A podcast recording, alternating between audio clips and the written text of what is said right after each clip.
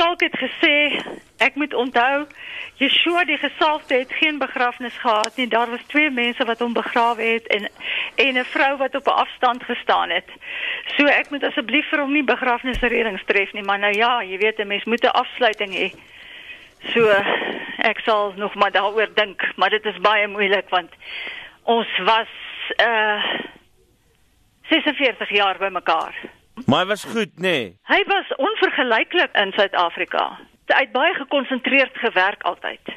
Hy het alles gekonsentreerd gedoen. Dis dis hoe ek dit sal stel. En ehm um, daar was nie 'n middel 'n middelgrond, 'n middelpaadjie nie.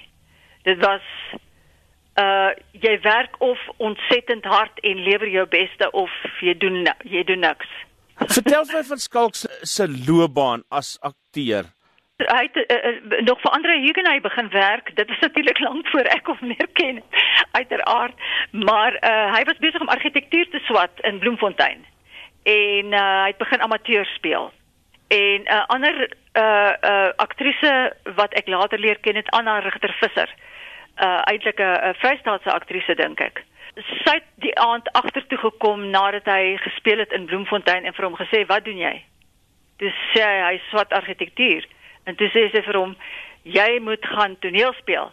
Jy begin maandag by Andre Huguenot." Want sy het toe blykbaar agter uh, uitgevind dat Andre Huguenot soek na 'n akteur. Jy sien en uh toe het hy vir hom begin toer. En toe het hy aan en af gespeel en teruggegaan argitektuur toe en uiteindelik sy argitektuurkursus klaar gemaak en dank die Vader daarvoor want dit is waarmee ons aan die lewe gebly het na uh die nuwe bedeling na 94 want skielik het deure net toegeklap in skalk se gesig. Hy uh gepersepteer as syne regs. Ek pes natuurlik enige tipe etikette. As 'n mens vir iemand sê hoe die skalk Jakobs is dood uh het ek nou al so 'n paar stukkies reaksie gekry. Is die eerste ding wat mense vir jou sê, "O, daai regse ou." Uh, en jy ja, en jy ach, en jy nou net propaganda, jy weet, aanhoudend. Jy het nou net verskil daarvan. Verduidelik bietjie vir my hoe skalk gedink.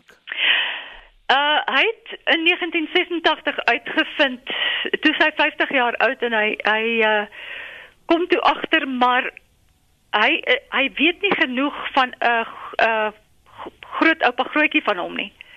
Jan Gerrit se bandjies. En uh hy het toe begin navorsing doen en afgekom op die joernaal oor die Bloedrivier strafveldtog.